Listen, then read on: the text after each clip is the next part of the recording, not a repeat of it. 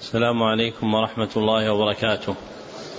الحمد لله الذي رضي لنا الإسلام دينا وبعث إلينا رسولا صادقا أمينا نحمده سبحانه حق الحمد ونسأله التوفيق للرشد ونصلي ونسلم على سيد المرسلين وإمام المتقين وخاتم النبيين وعلى آله وصحابته الأخيار المنتجبين وتابعيهم بإحسان إلى يوم الدين أما بعد فحدثنا الحسن بن عبد الهادي الحسني وهو أول حديث سمعته منه.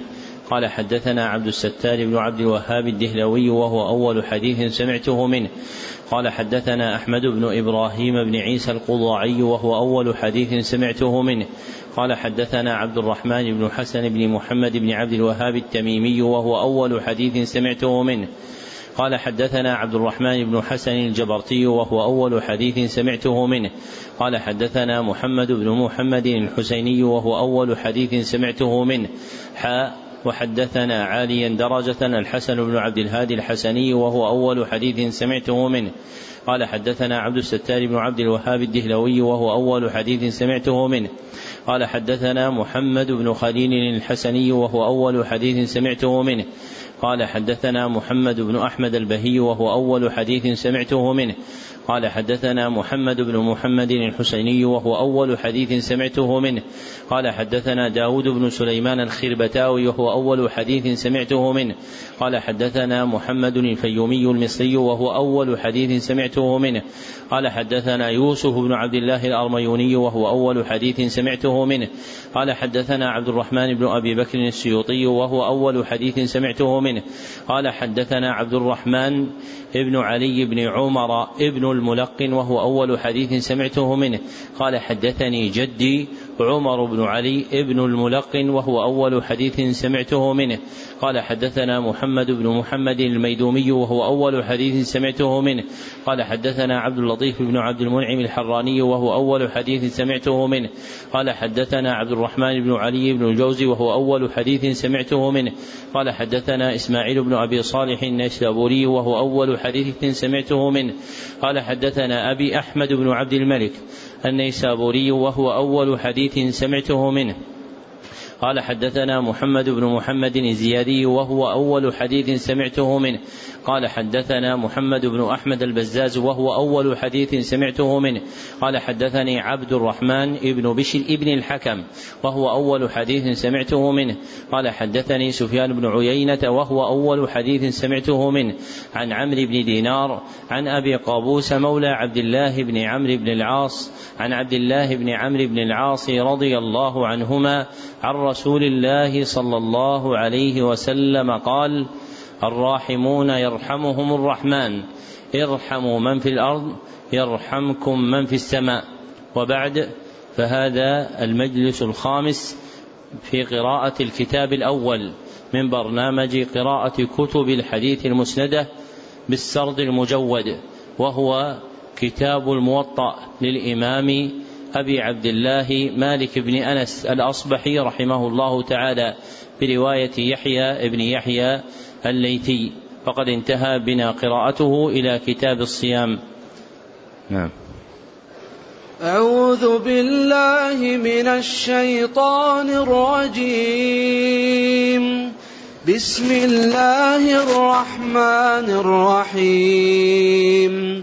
والنازعات غرقا والناشطات نشطا والسابحات سبحا فالسابقات سبقا فالمدبرات أمرا. يوم ترجف الراجفة تتبعها الرادفة. قلوب يومئذ واجفة ابصارها خاشعة يقولون أئنا لمردودون في الحافرة أئذا كنا عظاما نخرة قالوا تلك إذا كرة خاسرة فإنما هي زجرة واحدة فإذا هم بالساهرة هل أتاك حديث موسى؟ إذ ناداه ربه بالوادي المقدس طوى اذهب إلى فرعون إنه طغى فقل هل لك إلى أن تزكى وأهديك إلى ربك فتخشى فأراه الآية الكبرى فكذب وعصى ثم أدبر يسعى فحشر فنادى فقال أنا ربكم الأعلى فأخذه الله نكال الآخرة والأولى إن في ذلك لعبرة لمن يخشى. أنتم أشد خلقا أم السماء؟ بناها رفع سمكها فسواها وأغطش ليلها وأخرج ضحاها والأرض بعد ذلك دحاها أخرج منها ماءها ومرعاها والجبال أرساها متاعا لكم ولأنعامكم. الحمد لله رب العالمين وصلى الله وسلم على نبينا محمد وعلى آله وصحبه أجمعين. اللهم اغفر لشيخنا ولوالديه ولمشايخه وللحاضرين وللمسلمين أجمعين. أخبركم رحمكم الله محمد الفاضل بن محمد التقلاوي قراءة عليه قال أخبرنا عوض الكريم الرفاعي الأزهري قال أخبرنا أحمد بن محجوب الرفاعي الأزهري قال أخبرنا أحمد بن أحمد العميري الشباسي قال أخبرنا محمد بن محمد الأمير الكبير إجازة إن لم يكن سماعا قال أخبرنا علي بن محمد العربي السقاط قال أخبرنا عبد الله بن سالم البصري المكي قال أخبرنا عيسى بن محمد الثعالبي قال أخبرنا سلطان بن أحمد المزاحي قال أخبرنا أحمد بن خليل السبكي قال أخبرنا محمد بن أحمد الغيطي قال أخبرنا عبد الحق بن محمد السنباطي ومحمد بن أحمد النجار قال أخبرنا الحسن بن محمد الحسني قال أخبرنا الحسن بن أيوب الحسني قال أخبرنا محمد بن جابر الوادي آشي قال أخبرنا عبد الله بن هارون القرطبي قال أخبرنا أحمد بن يزيد القرطبي قال أخبرنا محمد بن عبد الحق الخزرجي قال أخبرنا محمد بن فرج مولى بن, مولى بن الطلاع قال أخبرنا يونس بن عبد الله الصفار قال أخبرنا يحيى بن عبد الله الليثي قال أخبرنا عم والدي عبيد الله بن يحيى الليثي قال أخبرنا أبي قال أخبرنا مالك بن أنس رحمه الله تعالى أنه قال كتاب الصيام. بسم الله الرحمن الرحيم. صلى الله على محمد وعلى آله وسلم تسليما. ما جاء في رؤية الهلال للصيام والفطر في رمضان. قوله رحمه الله ما جاء في رؤية الهلال تقدم أن الإمام مالك رحمه الله تعالى جعل هذه الترجمة ما جاء في كذا وكذا من أمهات التراجم عنده بل هي أكثر ترجمة دارت في كتابه وقد عقد بها ثمان وستين ومائة ترجمة كلها يبتدئها بقوله ما جاء في كذا وكذا. نعم. أحسن الله إليكم. وبه قال مالك عن نافع عن عبد الله بن عمر رضي الله عنهما أن رسول الله صلى الله عليه وسلم ذكر رمضان فقال لا تصوموا حتى تروا الهلال ولا تفطروا حتى تروه فإن غم عليكم فاقدروا له. وبه قال مالك عن عبد الله بن دينار عن عبد الله بن عمر رضي الله عنهما أن رسول الله صلى الله عليه وسلم قال الشهر تسعة وعشرون فلا تصوموا حتى تروا الهلال تفطروا حتى تروه. فلا تصوموا حتى تروا الهلال ولا تفطروا حتى تروه فإن غم عليكم فاقدروا له. وبه قال مالك عن ثور بن زيد الديلي عن عبد الله بن عباس رضي الله عنهما أن رسول الله صلى الله عليه وسلم ذكر رمضان فقال لا تصوموا حتى تروا الهلال ولا تفطروا حتى تروه فإن غم عليكم فأكملوا العدد ثلاثين. قوله رحمه الله عن ثور بن زيد الديلي. تقدم أن قاعدة زيد أنه كيفما ذكر في كتب الرجال فآخره دال وليس من الرواة أحد آخره نون في كتب الرواية المتقدمة إلا زين بن شعيب المعافري وهو أحد الرواة عن الإمام مالك. فالأصل فيما وقع وفق هذا الرسم أن آخره دال إلا الرجل المذكور. نعم. أحسن الله إليكم. وبه قال مالك أنه بلغه أن الهلال رؤي في زمان عثمان بن عفان رضي الله عنه بعشي فلم يفطر عثمان حتى أمسى وغابت الشمس. وبه إلى يحيى قال وسمعت مالكا يقول في الذي يرى هلال رمضان وحده أنه يصوم لأنه لا ينبغي له أن يفطر وهو يعلم أن ذلك اليوم من رمضان. ومن رأى هلال شوال وحده فإنه لا يفطر لأن الناس يتهمون على أن يفطر منهم من ليس مأمونا. ويقول أولئك إذا ظهر عليهم قد رأينا الهلال. ومن رأى هلال شوال نهارا فلا يفطر وليتمم صيام يومه ذلك فإنما هو هلال الليلة التي تأتي. صححوها هذه الدال زائدة. ومن رأى هلال شوال فالذال زائدة. نعم.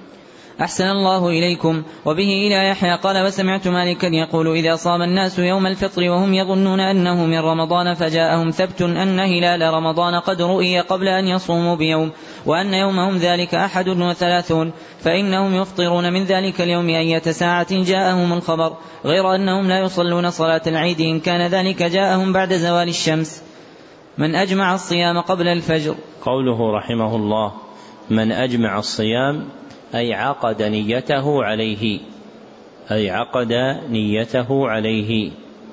نعم.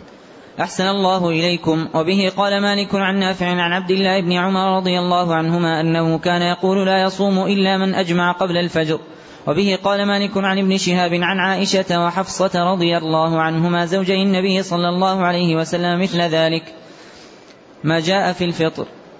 وبه قال مالك عن أبي حازم بن دينار عن سهل بن سعد الساعدي رضي الله عنه أن رسول الله صلى الله عليه وسلم قال لا يزال الناس بخير ما عجلوا الفطر. وبه قال مالك عن عبد الرحمن بن حرملة الأسلمي عن سعيد بن المسيب أن رسول الله صلى الله عليه وسلم قال لا يزال الناس بخير ما عجلوا الفطر. قوله رحمه الله عن أبي حازم تقدم أنه لا يجيء في الموطأ إلا بالحاء المهملة. فليس فيه شيء بالخاء المعجمة خازم وإنما خارج الموطأ.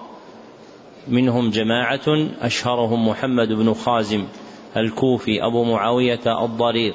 أكثر مسلم من تخريج حديثه عن عن الأعمش رحمه الله.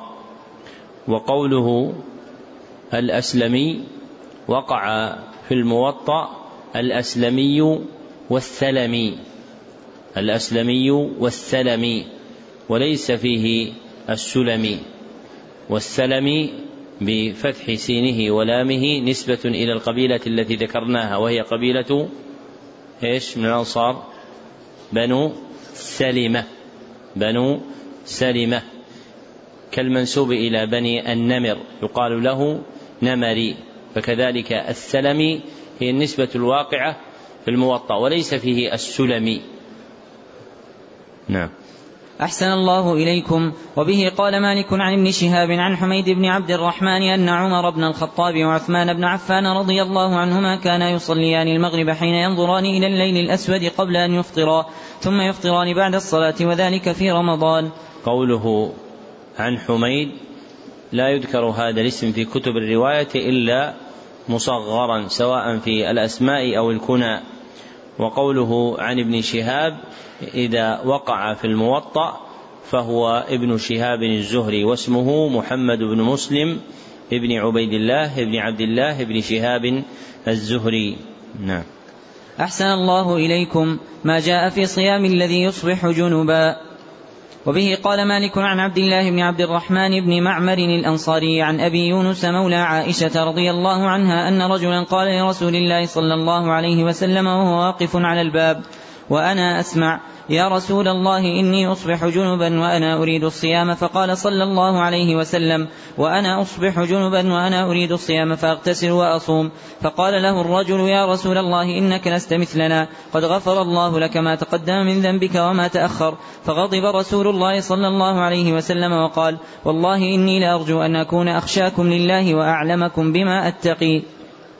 وبه قال مالك عن عبد ربه بن سعيد عن أبي بكر بن عبد الرحمن بن الحارث بن هشام عن عائشة وأم سلمة رضي الله عنهما زوج النبي صلى الله عليه وسلم أنهما قالتا كان رسول الله صلى الله عليه وسلم يصبح جنبا من جماع غير احتلام في رمضان ثم يصوم. وبه قال مالك عن سمي مولى أبي بكر بن الحارث بن هشام أنه سمع أبا بكر بن الحارث بن هشام يقول كنت أنا وأبي عند مروان بن الحكم وهو أمير المدينة فذكر له أن أبا هريرة رضي الله عنه يقول من أصبح جنبا أفطر ذلك اليوم فقال مروان أقسمت عليك يا عبد الرحمن لتذهبن إلى أمي لتذهبن إلى أمي المؤمنين عائشة وأم سلمة رضي الله عنهما فلتسألنهما عن ذلك. فذهب عبد الرحمن وذهبت معه حتى دخلنا على على عائشة رضي الله عنها فسلم عليها ثم قال: يا أم المؤمنين إنا كنا عند مروان بن الحكم فذكر له أن أبا هريرة رضي الله عنه يقول: من أصبح جنبا أفطر ذلك اليوم. قالت عائشة رضي الله عنها ليس كما قال أبو هريرة يا عبد الرحمن أترغب عما كان رسول الله صلى الله عليه وسلم يصنع؟ قال عبد الرحمن لا والله. قالت عائشة رضي الله عنها فأشهد على رسول الله صلى الله عليه وسلم أنه كان يصبح جنبا من جماع غير احتلام ثم يصوم ذلك اليوم. قال ثم خرجنا حتى دخلنا على أم سلمة رضي الله عنها فسألها عن ذلك فقالت مثل ما قالت عائشة رضي الله عنها قال فخرجنا حتى جئنا مروان بن الحكم فذكر له عبد الرحمن ما قالتا فقال مروان أقسمت عليك يا أبا محمد لتركبن دابتي فإنها بالباب فلتذهبن إلى أبي هريرة رضي الله عنه فإنه بأرضه بالعقيق فلتخبرنه ذلك. تركبن فلتذهبن. أحسن الله إليكم. فلتذهبن إلى أبي هريرة رضي الله عنه فإنه بأرضه بالعقيق فلتخبرنه, ب... فلتخبرنه ذلك. فلتخبرنه ذلك. أحسن الله إليكم. فلتذهبن إلى أبي هريرة رضي الله عنه فإنه بأرضه بالعقيق فلتخبرنه ذلك. فركب عبد الرحمن وركبت معه حتى أتينا أبا هريرة رضي الله عنه فتحدث معه عبد الرحمن ساعة ثم ذكر له ذلك فقال له أبو هريرة رضي الله عنه لا علم لي بذلك إنما أخبرنيه مخبر. وبه قال مالك عن سمي مولى أبي بكر عن أبي بكر بن عبد الرحمن عن عائشة وأم سلمة رضي الله عنهما زوجي النبي صلى الله عليه وسلم أنهما قالتا إن كان رسول الله صلى الله عليه وسلم ليصبح جنبا من جماع غير احتلام ثم يصوم. قوله في الحديثين وأم سلمة تقدم أن سلمة لا يقع في الموطأ إلا بفتح لامه سواء في الأسماء أو الكنى. وأما خارج الموطأ فإنه يقع بكسر لامه في موضعين أحدهما في اسم عمرو بن سلمة الجرمي رضي الله عنه والآخر في اسم بني سلمة قبيلة من الأنصار. نعم. أحسن الله إليكم ما جاء في الرخصة في القبلة للصائم. وبه قال مالك عن زيد بن أسلم عن عطاء بن يسار أن رجلا قبل امرأته وهو صائم في رمضان فوجد من ذلك وجدا شديدا فأرسل امرأته تسأل له عن ذلك فدخلت على أم سلمة رضي الله عنها زوج النبي صلى الله عليه وسلم فذكرت ذلك لها فأخبرتها أم سلمة رضي الله عنها أن رسول الله صلى الله عليه وسلم يقبل وهو صائم فرجعت فأخبرت زوجها ذلك فزاده ذلك شرا وقال لسنا مثل رسول الله صلى الله عليه وسلم الله يحل لرسوله ما شاء ثم رجعت امرأته إلى أم سلمة رضي الله عنها فوجدت عندها رسول الله فقال رسول الله صلى الله عليه وسلم ما لهذه المرأة فأخبرته أم سلمة رضي الله عنها فقال ألا أخبرتها ألا أخبرتيها أني أفعل ذلك فقالت قد أخبرتها فذهبت إلى زوجها فأخبرته فزاده ذلك شرا. وقال لسنا مثل رسول الله صلى الله عليه وسلم يحل الله لرسوله ما شاء. فغضب رسول الله صلى الله عليه وسلم وقال والله إني لأتقاكم لله وأعلمكم بحدوده. قوله رحمه الله عن عطاء بن يسار تقدم أن ما كان بهذا الرسم يسار فهو بالياء التحتانية والسين المهملة وليس في الموطأ أحد اسمه بشار. بل هذا الاسم كما قال الذهبي نادر في التابعين معدوم في الصحابة رضي الله عنهم. نعم. أحسن الله إليكم. وبه قال مالك عن هشام بن عروة عن أبيه عن عائشة رضي الله عنها أم المؤمنين أنها قالت إن كان رسول الله صلى الله عليه وسلم ليقبل بعض أزواجه وهو صائم ثم تضحك.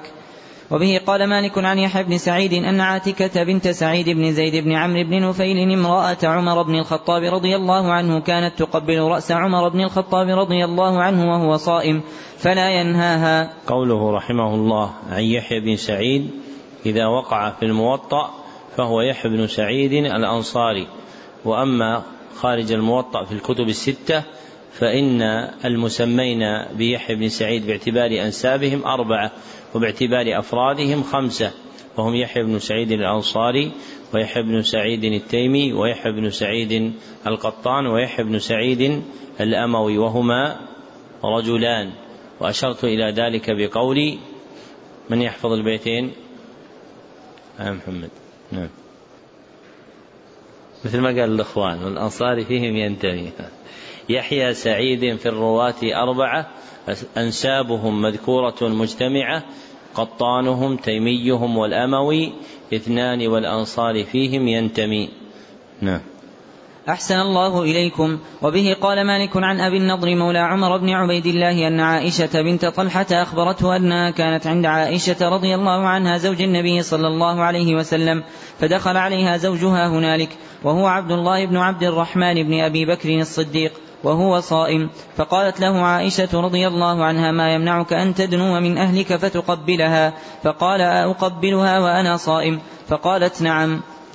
وبه قال مالك عن زيد بن أسلم أن أبا هريرة وسعد بن أبي وقاص رضي الله عنهما كانا يرخصان في القبلة للصائم.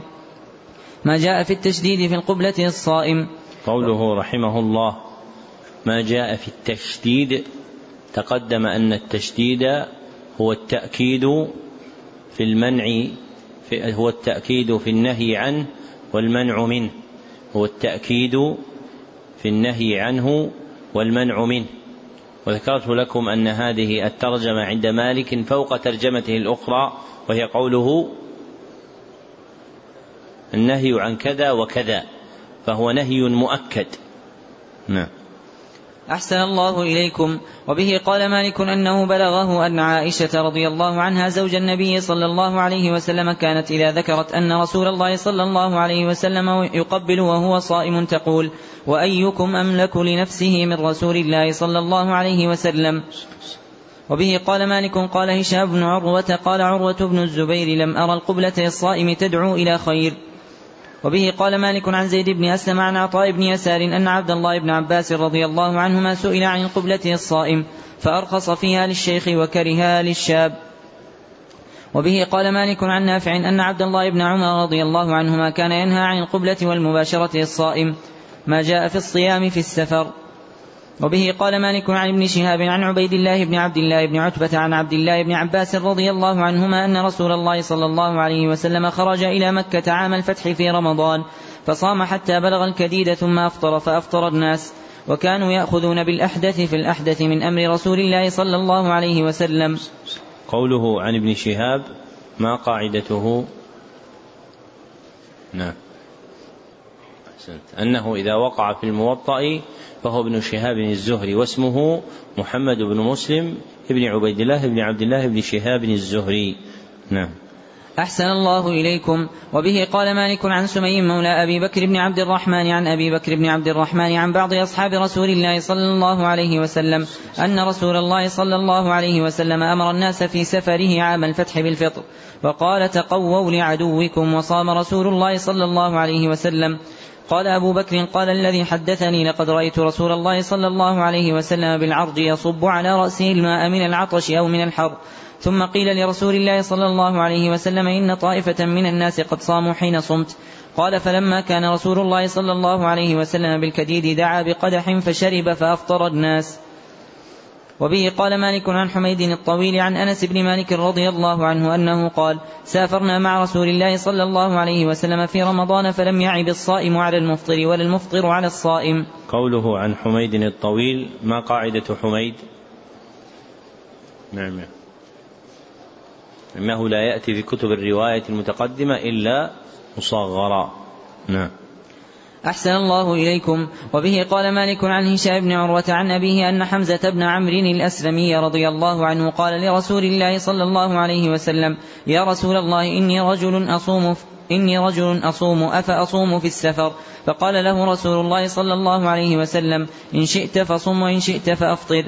قوله رحمه الله أن حمزة بن عمرو الأسلمي تقدم أن الذي في الموطأ الأسلمي والسلمي وليس فيه السلمي نعم.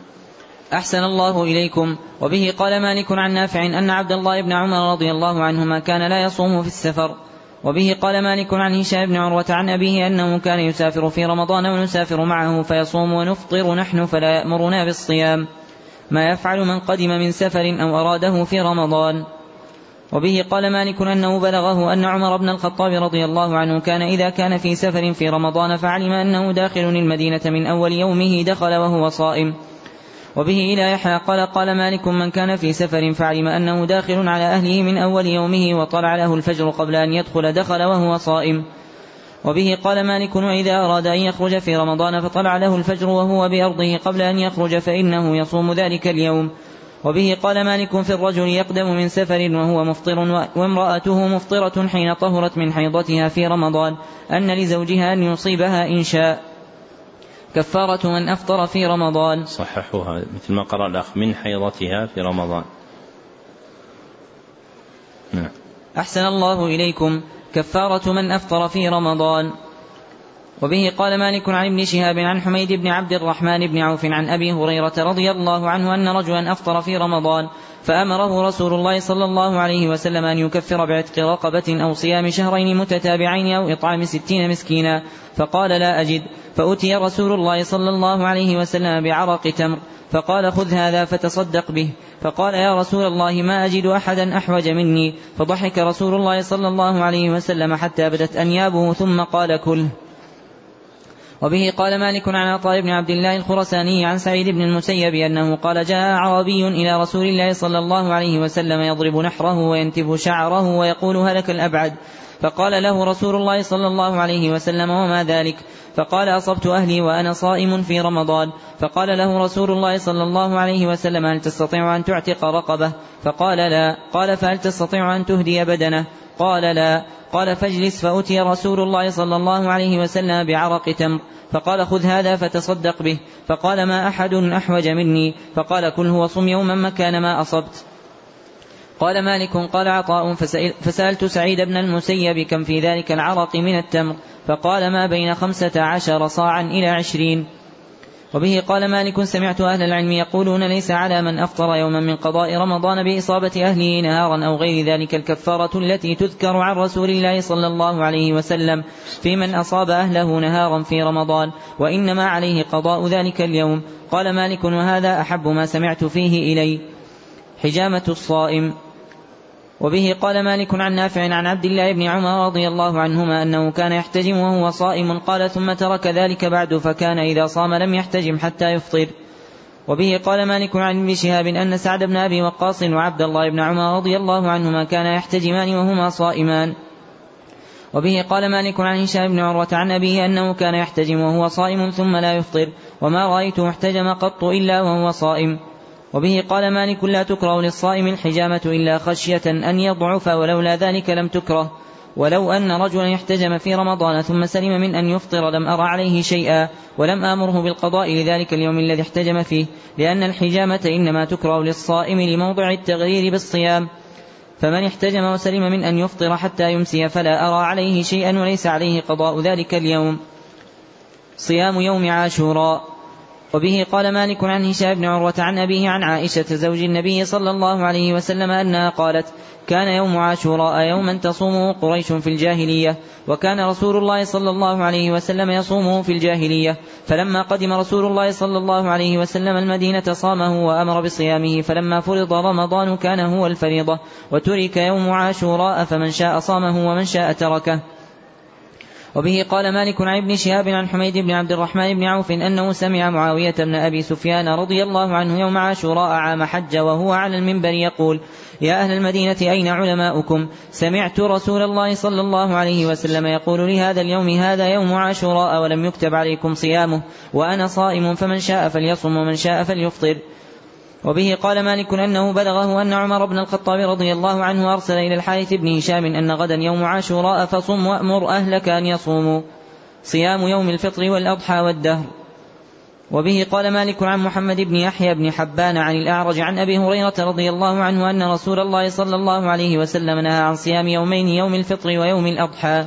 قوله رحمه الله عن الأعرج تقدم أنه إذا وقع ملقبا في الموطأ فهو عبد الرحمن بن هرمز الأعرج المدني وقوله محمد بن عن محمد بن يحيى بن حبان تقدم أنه لا يأتي في الموطأ إلا بفتح الحاء فليس فيه حبان والمذكور فيه بفتح الحاء رجلان من هما؟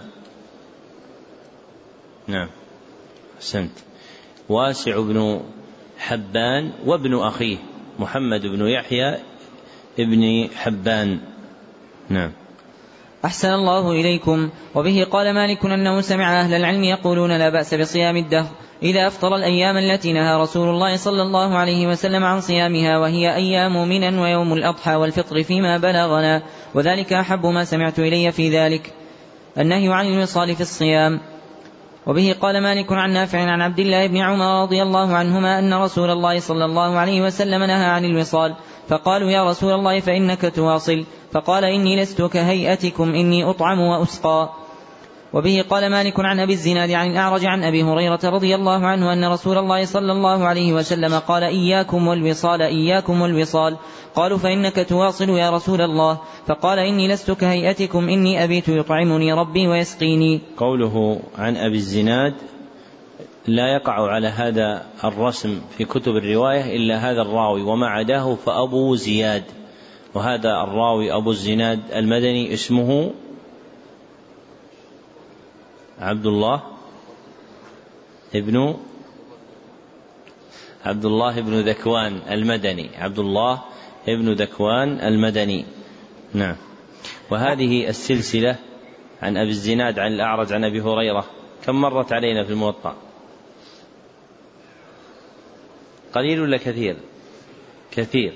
وهكذا كان يحفظ الحفاظ. الحفاظ ليس طريقة حفظ الحديث كما يظن بعض الناس. أن يمسك الكتاب من أوله إلى آخره فيحفظه. لم تكن هذه طريقة أحمد والبخاري ومسلم وأبو زرعة وأبو حاتم وإنما كانوا يحفظون على النسخ. فإذا جردت حديث مالك عن أبي الزناد عن الأعرج عن أبي هريرة في الموطأ وجدت حديثا كثيرا كله بإسناد واحد فيهون ذلك. وهذه هي طريقتهم في الحفظ رحمهم الله تعالى. ولذلك فإنه كما في الموطأ أمهات التراجم ففيه أمهات الأسانيد. وسنذكرها إن شاء الله في آخر مجلس. وهذان البابان مفتاح الرواية والدراية لأي كتاب. فإذا عرفت أمهات التراجم انفتحت لك درايته. وإذا عرفت أمهات الأسانيد عرفت روايته. وسنذكر ذلك إن شاء الله في مجلس آت بإذن الله. نعم. أحسن الله إليكم.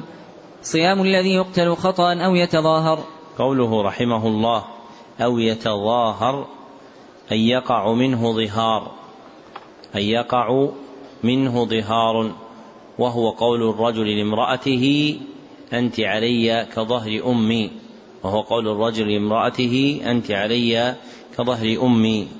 نعم. أحسن الله إليكم. وبه إلى يحيى قال سمعت مالكا يقول أحسن ما سمعت في من وجب عليه صيام شهرين متتابعين في قتل خطأ أو تظاهر فعرض له مرض يغلبه ويقطع عليه صيامه. أنه إن صح من مرضه وقوي على الصيام فليس له أن يؤخر ذلك. وهو يبني على ما قد مضى من صيامه. وكذلك المرأة التي يجب عليها الصيام في قتل النفس إذا حاضت بين ظهري صيامها أنها إذا طهرت لا تؤخر الصيام. وهي تبني على ما قد صامت وليس لأحد وجب عليه صيام شهرين متتابعين في كتاب الله أن يفطر إلا من علة مرض أو حيضة وليس له أن يسافر فيفطر. قال مالك وهذا أحسن ما سمعت في ذلك.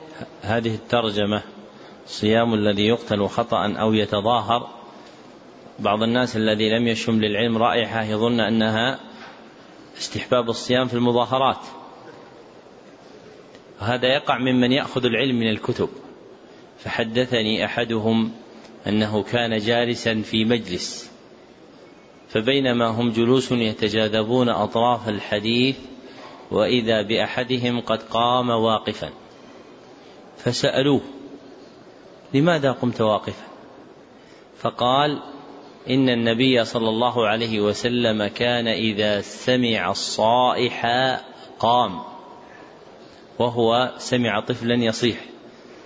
سمع طفل في البيت يصيح فهو فهم أن السنة إذا سمع إنسان صائحا أنه يقوم على رجليه والحديث يتعلق بالديك إذا صاح بصوته في آخر الليل فكأن النبي صلى الله عليه وسلم يستيقظ وفي لفظ الصارخ والمراد به الديك وهذه آفة أخذ العلم عن الكتب الذي يأخذ العلم عن الكتب يقع في مثل هذه المسائل التي هي عند هذا الرجل صغيرة.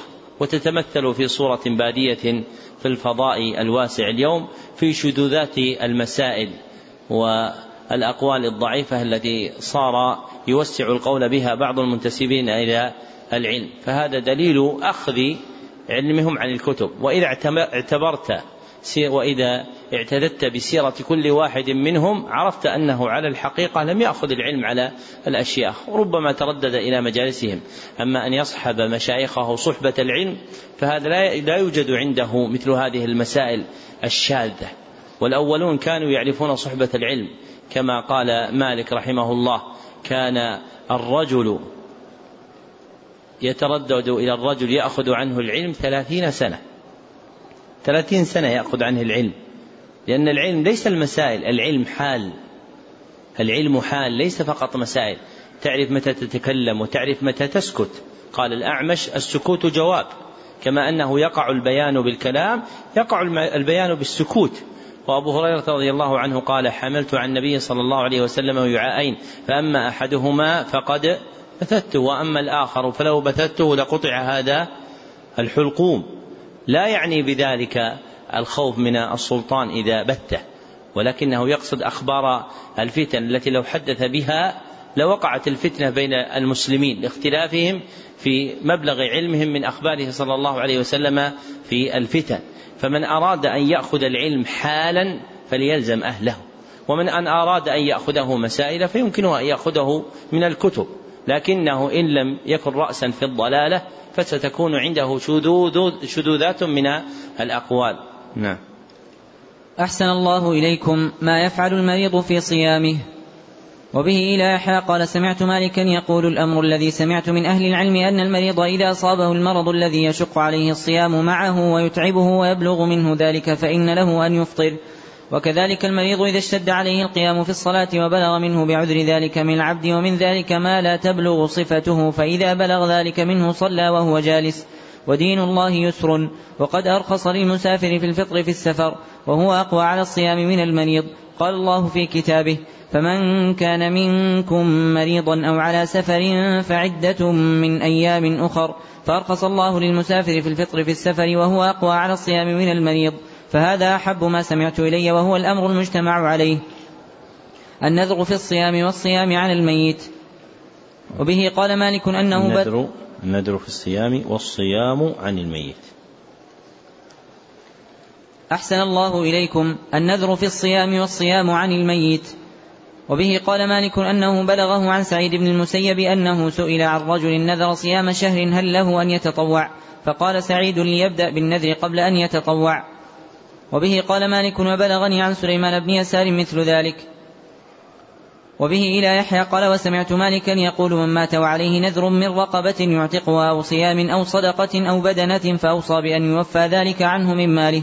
فإن الصدقة والبدنة في ثلثه وهو يبدى على ما سواه من الوصايا إلا ما كان مثله.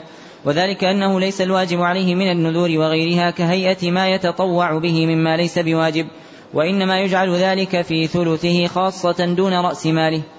لأنه لو جاز ذلك له في رأس ماله لأخر المتوفى مثل ذلك من الأمور الواجبة عليه حتى إذا حضرته الوفاة وصار المال لورثته سمى مثل هذه الأشياء التي لم يكن يتقاضاها منه متقاض. فلو كان ذلك جائزا له أخر هذه الأشياء حتى إذا كان عند موته سماها وعسى أن تحيط بجميع ماله فليس ذلك له. وبه قال مالك أنه بلغه أن عبد الله بن عمر رضي الله عنهما كان يسأل هل يصوم أحد عن أحد أو يصلي أحد عن أحد. فيقول لا يصوم أحد عن أحد ولا يصلي أحد عن أحد. ما جاء في قضاء رمضان والكفارات. قوله رحمه الله والكفارات أي والصيام الواقع كفارة. أي والصيام الواقع كفارة. نعم. أحسن الله إليكم. وبه قال مالك عن زيد بن أسلم عن أخيه أن عمر بن الخطاب رضي الله عنه أفطر ذات يوم في رمضان في يوم ذي غيم ورأى أنه قد أمسى وغابت الشمس. فجاءه رجل فقال يا أمير المؤمنين اطلعت الشمس. قال عمر رضي الله عنه الخطب يسير وقد اجتهدنا. قوله رحمه الله عن أخيه لم يأتي في الموطأ إلا مذكرا فليس في الموطأ رواية عن أخته. ليس في الموطأ فلان عن أخته وإنما فيه فلان عن أخيه. في مواضع هذا واحد منها. عن زيد بن أسلم عن أخيه. نعم. أحسن الله إليكم. وبه إلى يحيى قال قال مالك نريد بقوله الخطب يسير القضاء فيما نرى والله أعلم وخفة مؤونته ويسارته يقول يصوم يوما مكانه. وبه قال مالك عن نافع أن عبد الله بن عمر رضي الله عنهما كان يقول يصوم رمضان متتابعا من أفطره من مرض أو في سفر. وبه قال مالك عن ابن شهاب أن عبد الله بن عباس وأبا هريرة رضي الله عنهما اختلفا في قضاء رمضان فقال أحدهما يفرق بينه وقال الآخر لا يفرق بينه لا أدري أيهما قال يفرق بينه ولا أيهما قال لا يفرق بينه. وبه قال مالك عن نافع عن عبد الله بن عمر رضي الله عنهما أنه كان يقول من استقاء وهو صائم فعليه القضاء ومن ذرعه القيء فليس عليه القضاء. وبه قال مالك عن يحيى بن سعيد أنه سمع سعيد بن المسيب يسأل عن قضاء رمضان فقال سعيد أحب إلي ألا يفر أحب إلي ألا يفرق قضاء رمضان وأن يواتر.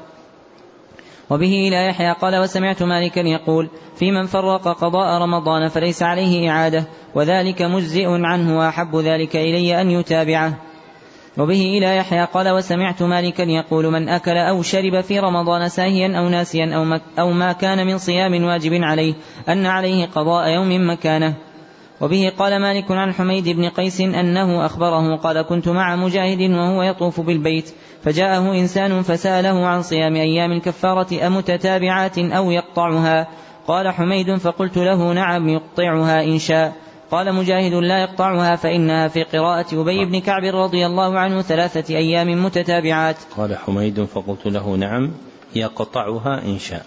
نعم. أحسن الله إليكم. وبه قال مالك وأحب إلي أن يكون ما سمى الله في القرآن يصام متتابعا. وبه إلى يحيى قال سئل مالك عن المرأة تصبح صائمة في رمضان فتدفع دفعة من دم عبيط في غير أوان حيضتها ثم تنتظر حتى تمسي أن ترى مثل ذلك فلا ترى شيئا ثم تصبح يوما آخر فتدفع دفعة أخرى وهي دون الأولى ثم ينقطع ذلك عنها قبل حيضتها بأيام فسئل كيف تصنع في صيامها وصلاتها؟ قال مالك ذلك الدم من الحيضة فإذا رأته فلتفطر ولتقضي ما أفطرت فإذا ذهب عنها الدم فلتغتسل ولتصم. وبه إلى يحيى قال وسئل مالك عمن أسلم في آخر يوم من رمضان هل عليه قضاء رمضان كله وهل يجب عليه قضاء اليوم الذي أسلم فيه؟ فقال ليس عليه قضاء ما مضى وإنما يستأنف الصيام فيما يستقبل وأحب إلي أن يقضي اليوم الذي أسلم في بعضه. قضاء التطوع. وبه قال مالك عن ابن شهاب أن عائشة وحفصة رضي الله عنهما زوجي النبي صلى الله عليه وسلم أصبحتا صائمتين متطوعتين فأهدي لهما طعام فأفطرتا عليه فدخل عليهما رسول الله صلى الله عليه وسلم قال قالت عائشة رضي الله عنها فقالت حفصة رضي الله عنها وبدرتني بالكلام وكانت بنت أبيها يا رسول الله إني أصبحت أنا وعائشة صائمتين متطوعتين فأهدي لنا طعام فأفطرنا, فأفطرنا عليه. فقال رسول الله صلى الله عليه وسلم اقضيا مكانه يوما آخر. وبه إلى يحيى قال وسمعت مالكا يقول من أكل أو شرب ناسيا أو ساهيا في صيام تطوع فليس عليه قضاء وليتم يومه الذي أكل فيه أو شرب وهو متطوع ولا يفطره وليس على من أصابه أمر يقطع صيامه وهو متطوع قضاء. إذا كان إنما أفطر من عذر غير متعمد للفطر ولا أرى عليه قضاء صلاة نافلة ولا أرى عليه قضاء صلاة نافلة إذا هو قطعها من حدث لا يستطيع حبسه مما يحتاج فيه إلى الوضوء. وبه إلى يحيى قال قال مالك ولا ينبغي أن يدخل الرجل في شيء من الأعمال الصالحة الصلاة والصيام والحج وما أشبه هذا من الأعمال الصالحة التي يتطوع بها الناس فيقطعه حتى يتمه على سنته إذا كبر لم ينصرف حتى يصلي ركعتين وإذا صام لم يفطر حتى يتم صوم يومه وإذا أهل لم يرجع حتى يتم حجه وإذا دخل في الطواف لم يقطعه حتى يتم سبعة. حتى يتم سبعة. لا ينبغي أن يترك شيئا من هذا إذا دخل فيه حتى يقضيه إلا من أمر يعرض له مما يعرض للناس من الأسقام التي يعذرون بها والأمور التي يعذرون بها. وذلك أن الله تبارك وتعالى يقول في كتابه وكلوا واشربوا حتى يتبين لكم الخيط الأبيض من الخيط الأسود من الفجر ثم أتموا الصيام إلى الليل. فعليه إتمام الصيام كما قال الله وأتموا الحج والعمرة لله. فلو أن رجلا أهل بالحج تطوعا وقد قضى الفريضة لم يكن له أن يترك الحج بعد أن دخل فيه ويرجع حلالا من الطريق. وكل أحد دخل في نافلة فعليه إتمامها إذا دخل فيها كما يتم الفريضة. وهذا أحسن ما سمعت. قوله كما قال الله متعلق بما قبله أو بما بعده؟ بما بعده. ولكنه أخطأ في طريقة ترتيب النص فكان ينبغي أن ترفع الآية فتجعل بعد الاسم الأحسن الاسم الأحسن الله. يقول كما قال الله ثم نقطتي القول ثم وأتم الحج والعمرة لله. نعم. أحسن الله إليكم. فدية من أفطر في رمضان من علة. وبه قال مالك أنه بلغه أن أنس بن مالك رضي الله عنه كبر حتى كان لا يقدر على الصيام فكان يفتدي. قال مالك ولا أرى ذلك واجبا وأحب إليه أن يفعله إن كان قويا عليه. فمن فدى فإنما يطعم مكان كل يوم مدا بمد رسول الله صلى الله عليه وسلم. وبه قال مالك أنه بلغه أن عبد الله بن عمر رضي الله عنهما سئل عن المرأة الحامل إذا خافت على ولدها واشتد عليها الصيام فقال تفطر وتطعم مكان كل يوم مسكينا مدا من حنطة بمد النبي صلى الله عليه وسلم. وبه قال مالك وأهل العلم يرون عليها القضاء كما قال الله فمن كان منكم مريضا أو على سفر فعدة من أيام أخر ويرون ذلك مرضا من الأمراض مع الخوف على ولدها.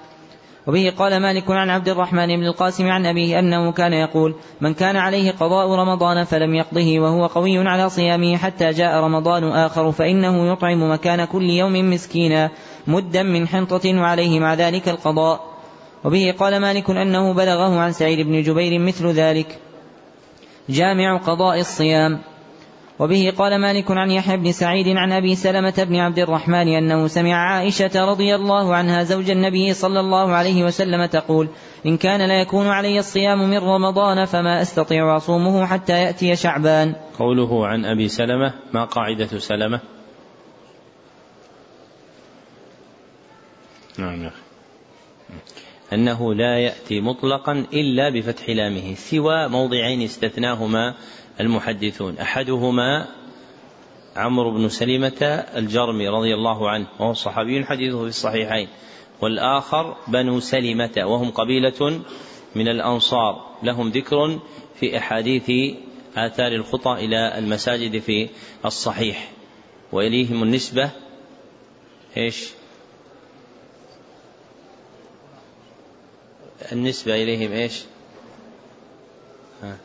السلمي النسبة إليهم السلمي نعم. أحسن الله إليكم صيام اليوم الذي يشك فيه. وبه قال مالك أنه سمع أهل العلم ينهون عن, عن أن يصام اليوم الذي يشك فيه من شعبان. إذا نوى به صيام رمضان ويرون أن على من صامه على غير رؤية ثم جاء الثبت أنه من رمضان أن عليه قضاءه ولا يرون بصيامه تطوعا بأسا. وبه إلى يحيى قال قال مالك وهذا الأمر عندنا والذي أدركت عليه أهل العلم ببلدنا. جامع الصيام. قوله رحمه الله جامع الصيام تقدم أن من أمهات التراجم عند الإمام مالك قوله جامع كذا وكذا. فكم مرة ترجم بذلك؟ يا أخي. إيش؟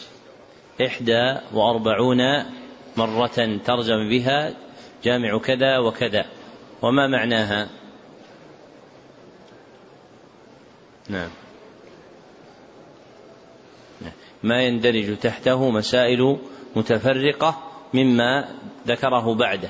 فمثلا قوله جامع الصيام أي ما يندرج تحته مسائل متفرقة من الصيام. وختب الإمام مالك كتابه بكتاب الجامع وهو مخترعاته في التصنيف في تبويب الكتب كما ذكره ابن العربي في القبس. وهذه المدة التي كان فيها الإمام مالك ومحمد بن الحسن الشيباني هي مقدمة التراجم الحديثية. فهذان الرجلان الشيباني في عدة كتب كالحجة والأصل وغيرها ومالك في الموطأ بهما اقتدى من جاء بعدهما. ولو أن للوقت سعة فإن في بعض تراجم الإمام مالك ما وجد له صدى في غيره. يعني ترجم بعض المحدثين ببعض ما ترجم به الإمام مالك رحمه الله تعالى. نعم. أحسن الله إليكم. وبه قال مالك عن أبي النضر مولى عمر بن عبيد الله عن أبي سلمة بن عبد الرحمن عن عائشة رضي الله عنها زوج النبي صلى الله عليه وسلم أنها قالت كان رسول الله صلى الله عليه وسلم يصوم حتى نقول لا يفطر ويفطر حتى نقول لا يصوم. وما رأيت رسول الله صلى الله عليه وسلم استكمل صيام شهر قط إلا رمضان وما رأيته في شهر أكثر صياما منه في شعبان. قوله عن أبي النضر ما قاعدته؟ نعم يا أخي.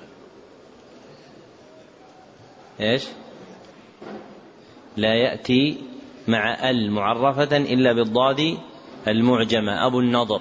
فليس في أسماء المحدثين من الكنى فيما سلف أبو النصر بالصاد المهملة مع التعريف. نعم. أحسن الله إليكم. وبه قال مالك عن أبي الزناد عن الأعرج عن أبي هريرة رضي الله عنه أن رسول الله صلى الله عليه وسلم قال الصيام جنة فإذا كان أحدكم صائما فلا يرفث ولا يجهل فإن امرؤ قاتله أو شاتمه فليقل إني صائم إني صائم. وبه قال مالك عن أبي الزناد عن الأعرج عن أبي هريرة رضي الله عنه أن رسول الله صلى الله عليه وسلم قال والذي نفسي بيده لخلوف فم الصائم أطيب عند الله من ريح المسك إنما يذر شهوته وطعامه وشرابه من أجلي فالصيام لي وأنا أجزي به. كل حسنة بعشرة أمثالها إلى سبعمائة ضعف إلا الصيام فهو لي وأنا أجزي به. وبه قال مالك عن عمه أبي سهيل بن مالك عن أبيه عن أبي هريرة رضي الله عنه أنه قال إذا دخل رمضان فتحت أبواب الجنة وغلقت أبواب النار وصفلت الشياطين. قوله عن عمه أبي سهيل بن مالك ماذا ذكرت لكم فيها؟ نعم. أنه لم يذكر أحدا من شيوخه من قرابته إلا عمه أبو سهيل ابن مالك. فيما يحضرني الآن ولم ينخرم هذا فلم يذكر له قبل رواية إلا عن عمه. نعم. أحسن الله إليكم. وبه قال مالك أنه سمع أهل العلم لا يكرهون السواك للصائم في رمضان في ساعة من ساعات النهار لا في أوله ولا في آخره ولم أسمع أحدا من أهل العلم يكره ذلك ولا ينهى عنه. وبه إلى يحيى قال سمعت مالكا يقول في صيام ستة أيام بعد الفطر من رمضان إنه لم يرى أحدا من أهل العلم والفقه يصومها ولم يبلغني ذلك عن أحد من السلف وإن أهل العلم يكرهون ذلك ويخافون بدعته وأن يلحق برمض وأن يلحق برمضان ما ليس منه أهل الجهالة والجفاء. لو رأوا في ذلك رخصة عند أهل العلم ورأوهم يعملون ذلك. لا محل للفاصلة هنا. أهل الجهالة فعلها يلحق. فكانت الجملة واحدة. وأن يلحق برمضان ما ليس منه أهل الجهالة والجفاء. فاستبعدوا الفاصلة. نعم. أحسن الله إليكم. وبه إلى يحيى قال وسمعت مالكا يقول لم أسمع أحدا من أهل العلم والفقه ومن يقتدى به ينهى عن صيام يوم الجمعة وصيامه حسن. وقد رأيت بعض أهل العلم يصومه وأراه كان يتحراه. تم كتاب الصيام والحمد لله كما هو أهله وصلواته على محمد عبده ورسوله. كتاب الاعتكاف. بسم الله الرحمن الرحيم صلى الله على محمد وعلى آله وسلم تسليما ذكر الاعتكاف وبه قال مالك عن ابن شهاب عن عروة بن الزبير عن عمرة بنت عبد الرحمن عن عائشة رضي الله عنها زوج النبي صلى الله عليه وسلم أنها قالت كان رسول الله صلى الله عليه وسلم إذا اعتكف يدني إلي رأسه فأرجله وكان لا يدخل البيت إلا لحاجة الإنسان قوله عن ابن شهاب ما قاعدته نعم يا أخي أحسنت أنه إذا وقع في الموطأ فهو محمد بن مسلم بن عبيد الله بن عبد الله بن شهاب الزهري. نعم. أحسن الله إليكم. وبه قال مالك عن ابن شهاب عن عمرة بنت عبد الرحمن أن عائشة رضي الله عنها كانت إذا اعتكفت لا تسأل عن المريض إلا وهي تمشي لا تقف. وبه إلى يحيى قال قال مالك لا يأتي المعتكف حاجة ولا يخرج لها ولا يعين أحدا إلا أن يخرج لحاجة الإنسان. ولو كان خارجا لحاجة أحد لكان أحق ما يخرج إليه عيادة المريض والصلاة على الجنائز واتباعها. وبه إلى يحيى قال قال مالك ولا يكون المعتكف معتكفا حتى يجتنب ما يجتنب المعتكف من عيادة المريض والصلاة على الجنائز ودخول البيت إلا لحاجة الإنسان. وبه قال مالك أنه سأل ابن شهاب عن الرجل يعتكف هل يدخل لحاجته تحت سقف فقال نعم لا بأس بذلك. وبه قال وبه إلى يحيى قال قال مالك الأمر عندنا الذي لا اختلاف فيه أنه لا يكره الاعتكاف في كل مسجد يجمع فيه ولا أراه كره الاعتكاف في المساجد التي لا يجمع فيها إلا كراهية أن يخرج المعتكف من مسجده الذي اعتكف فيه إلى الجمعة أو يدعها. فإن كان مسجدا لا تجمع فيه الجمعة ولا يجب على صاحبه إتيان الجمعة في مسجد سواه. فإني لا أرى بأسا بالاعتكاف فيه لأن الله تبارك وتعالى يقول لأن الله تبارك وتعالى قال وأنتم عاكفون في المساجد فعم الله المساجد كلها ولم يخصص من ولم يخصص شيئا منها. وبه قال مالك فمن هناك جاز له أن يعتكف في المساجد التي لا تجمع في قال ضبطت الكلمة في الأصل على الوجهين. لم يخصص ولم يخصص. هذا رد على الذي قال لم يخصص. لأن الأصل الذي اعتمده أصل نفيس مقروء على جماعة فهو أصل معتمد في ضبطه وهو اختار الكسر. نعم. أحسن الله إليكم. وبه قال مالك فمن هناك جاز له أن يعتكف في المساجد التي لا تجمع فيها الجمعة إذا كان لا يجب عليه أن يخرج منه إلى المسجد الذي تجمع فيه الجمعة. وبه إلى يحيى قال قال مالك ولا يبيت المعتكف إلا في المسجد الذي اعتكف فيه إلا أن يكون خباؤه في رحبة من رحاب المسجد.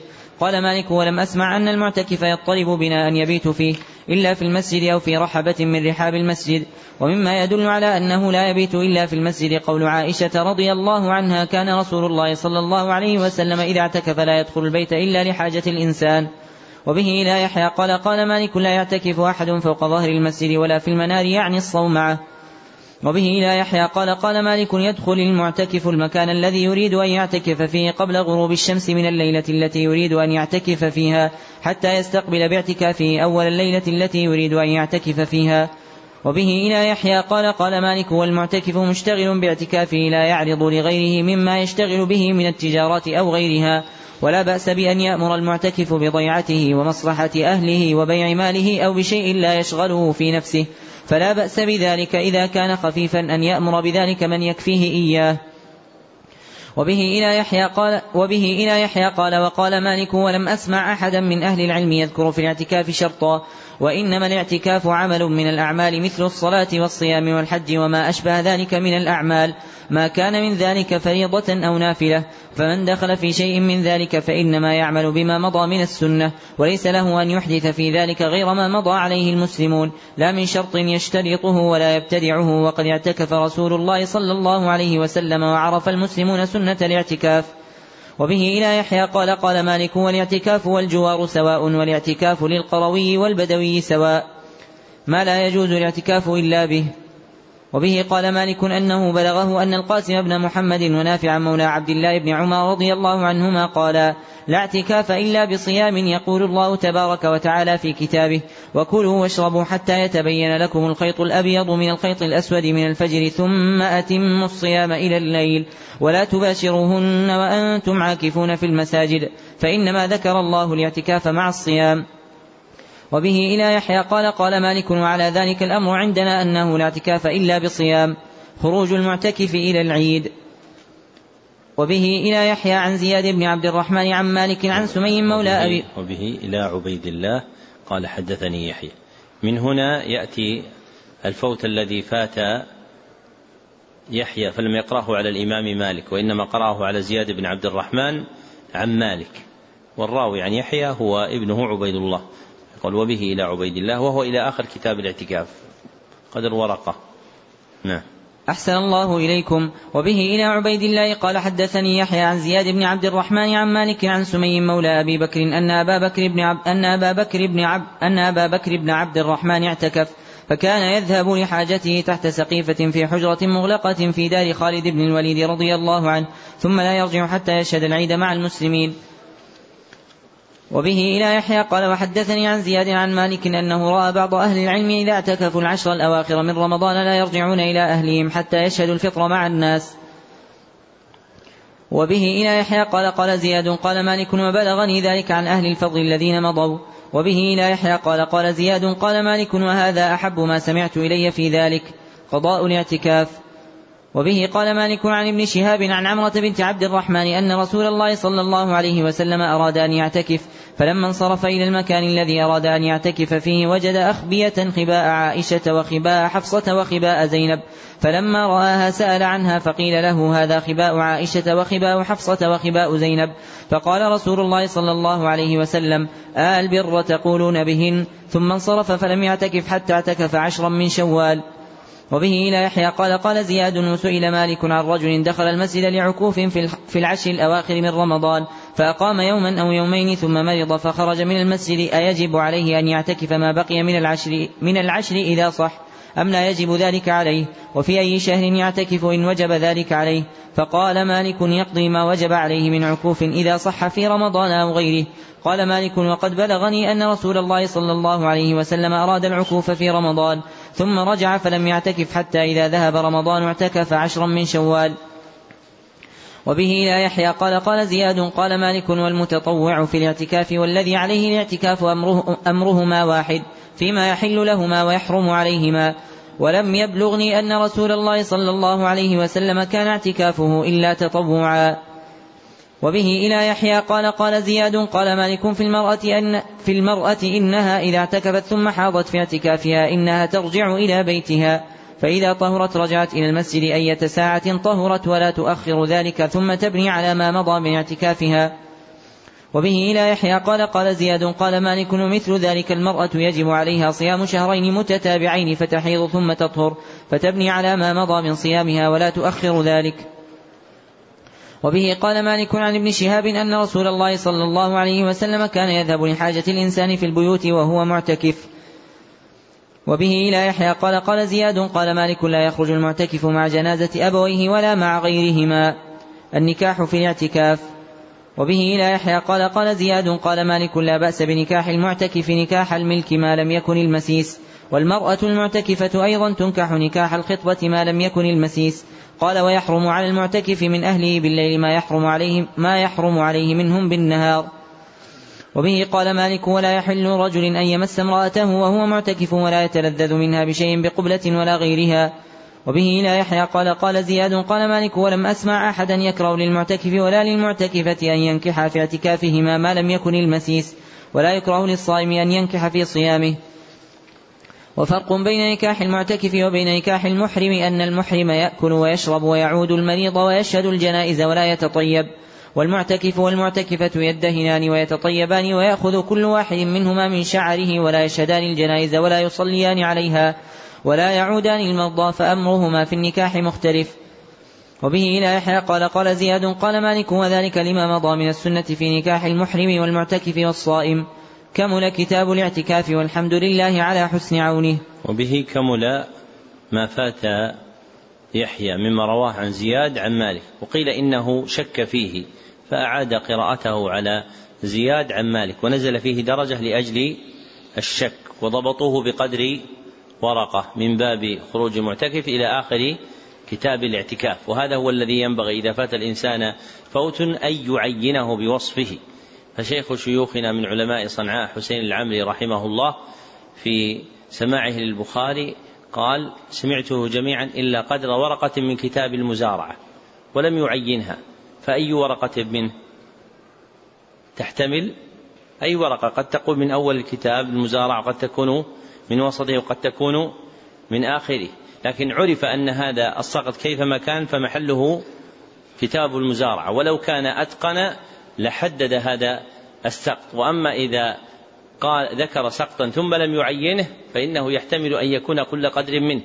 فإن سند أهل المغرب في رواية البخاري يرجع إلى القصار عن رضوان الجنوي وأنه سمع منه البخاري إلا قليلا منه ولم يعين هذا القليل.